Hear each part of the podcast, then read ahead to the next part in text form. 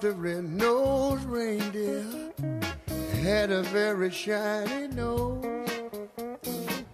And if you ever saw it, you would even think it glows.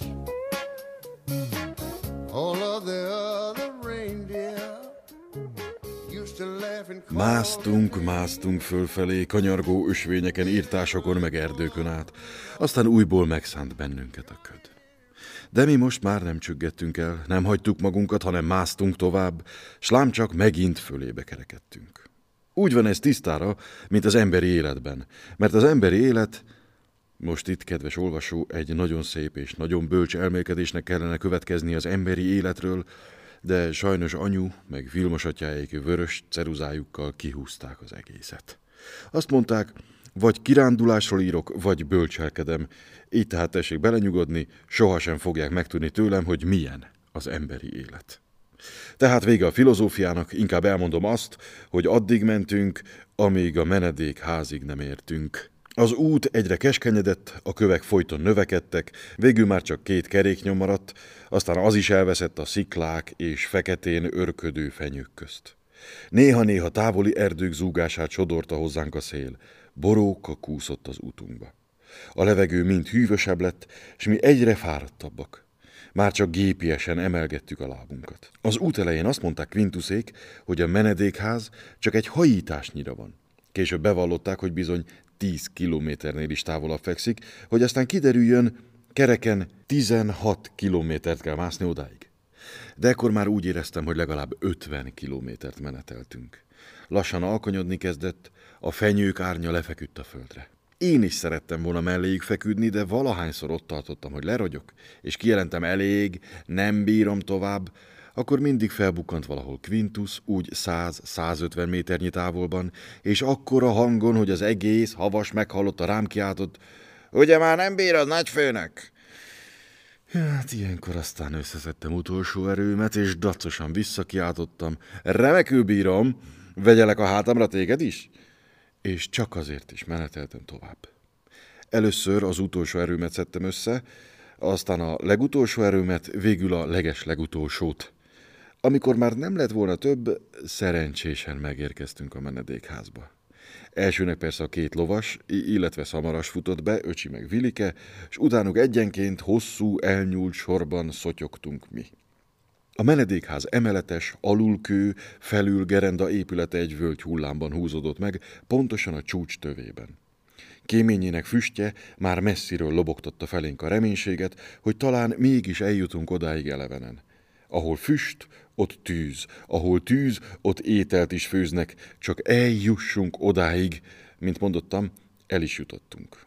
A menedékház gondnoka bizonyos Pistabá, ölesvállú, szőkéből őszesbe forduló óriás rögtön gondozásba vett. Itt alhatnak, itt tehetnek, te átisznak-e?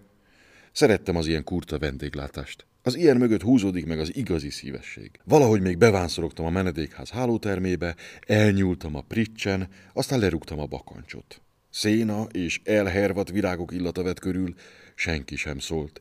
Még Vilike és öcsi is hallgatott. Talán el is szundítottunk. Arra riadtunk fel, hogy Pista bá befordul az ajtón egy óriási fatálcával. A tálcán teáskanna fújja magából a gőzt, és mellette egy tál. Mi van a tálban? Rántotta. A fehér porcelántálon sárgán ragyogott, remegett a rántotta hegy. Én értem oda elsőnek, de mire teleszettem az alumínium tányért, addigra már körülölelte a tálat az egész társaság. Most bezeg nem mondta Krisztinka, hogy nem szereti a tojást. Az asszonyok se szabadkoztak. Ez volt a legjobb rántotta, amit életünkben ettünk, és becsületére váljék Vilmos atyának. Ezt még ő is beismerte.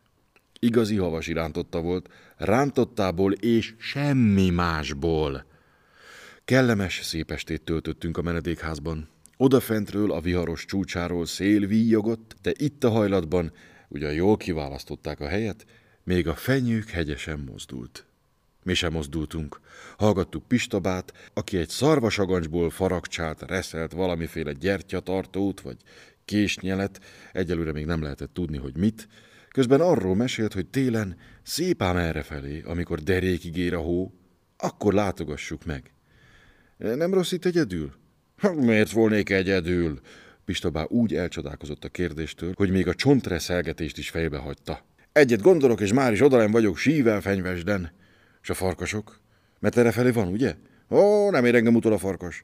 Vagy ha igen, akkor megütöm. Ahogy két karját, vállát néztük, ez az ember még a medvét is leütné, ha a medvének csak ennyi esze volna, hogy a Pistabá útjába botoljék. A tejnél édesebb hegyi levegő meg az egész napi gyaloglást tette, de alig fújtuk el a lámpát, már is aludt az egész társaság. A hálóterem egyik sarkában Vilmos atya a bandájával.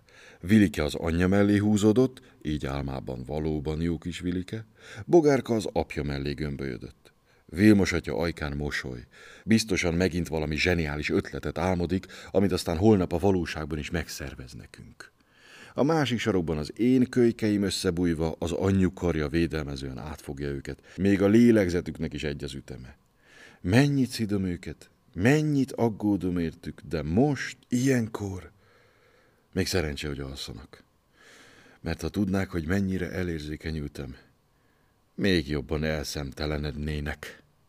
A harmadik sarokban Quintus egymagában. Behúzódott garantáltan vízhatlan és fagyálló hálózsákjába állítólag pontos mása a sark kutatók hálózsákjának. Quintus alszik, de szomorú vonás a szája szélén. Hiába.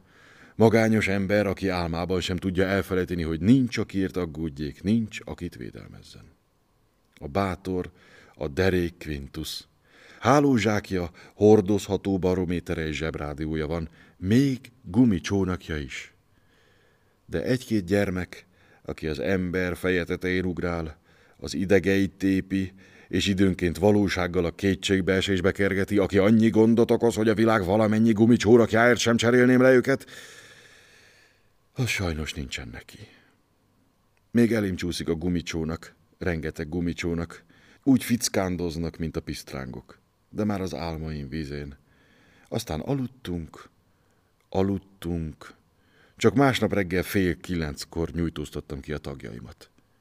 Nyújtóztattam. Ezt mondtam? Hát inkább csak szerettem volna kinyújtóztatni. Volt már valaha izomlázuk? Mert nekem azon a reggelen odafönn a viharosi menedékházban az volt.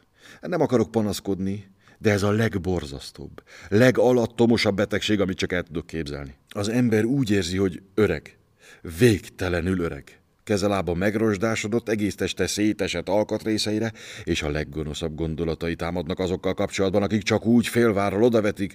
Ugyan nagy főnök, hát még az izomláz is betegség. Ez persze Quintus, a nagy turista. Tegnap este mennyire megesett rajta a szívem.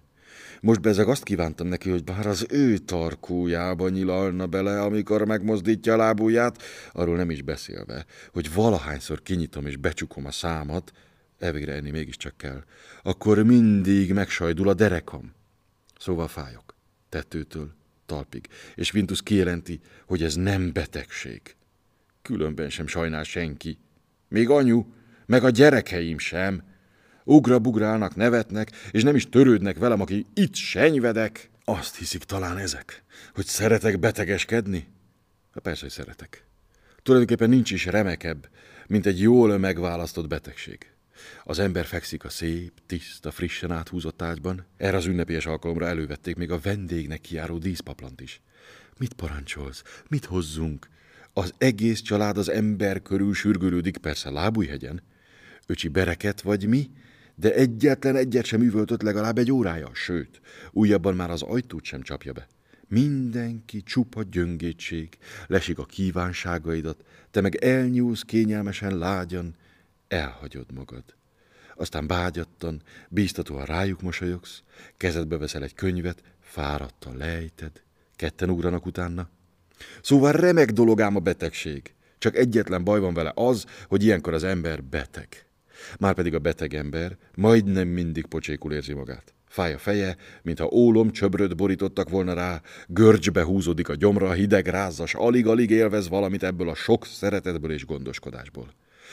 Azt mondom, itt az ideje, hogy az orvostudomány feltaláljon egy olyan betegséget, amivel az ágyban lehet lustálkodni, habos piskóta tortát kell lenni, meg barack kompótot.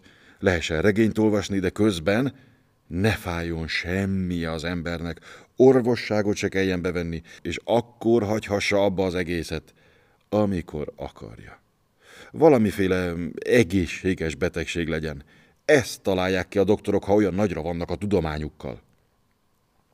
Ilyen betegséget azonban mostanáig csak egyetlen egyet ismer a tudomány, ezt iskola betegségnek hívják.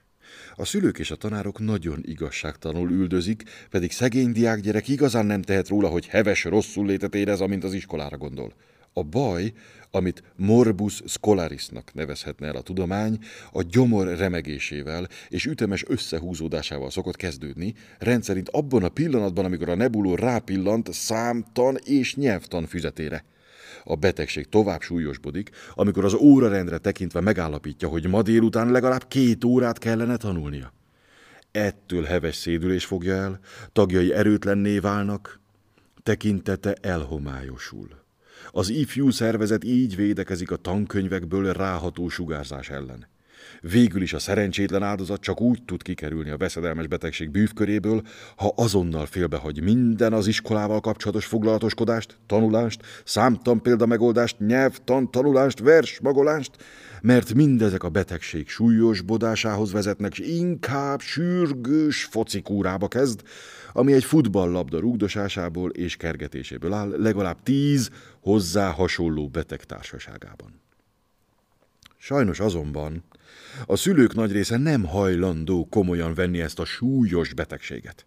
Sőt, akadnak kegyetlen tanárok is, akik büntetik, intők osztogatásával félemlítik meg a szerencsétlen beteg gyermekeket.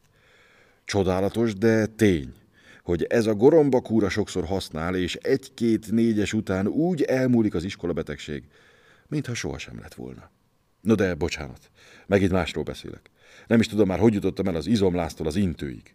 Most éppen vakáció van, ne beszéljünk ilyen rémes dolgokról, gyerünk vissza a viharosra. Azaz, gyerünk fel a viharosra, mert hiszen innen a menedékháztól még csak alulról látjuk a csúcsot. Sőt, Pistabá azt mondja, hogy amit látunk, az tulajdonképpen még nem a csúcs.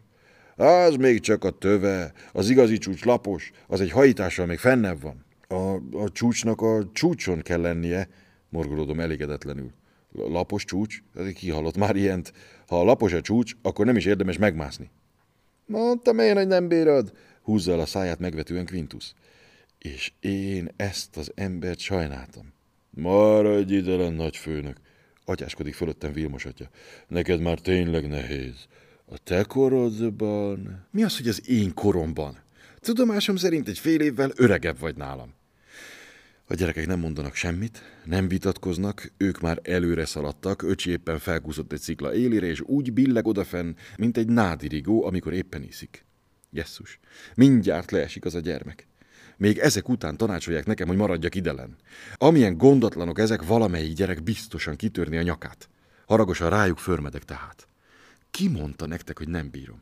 Ki mondta, hogy nem megyek? Már el is indultam. Mérgemben úgy nekivágok, hogy még az izomlázamról is megfeledkeztem. Mire aztán ismét eszembe jut, addigra már el is múlt. Az előbb még minden mozdulatnál hasogatott a fájdalom. Most? Most, mintha jól olajozott acélrugók mozgatnák a tagjaimat. Ahó, fel a csúcsra!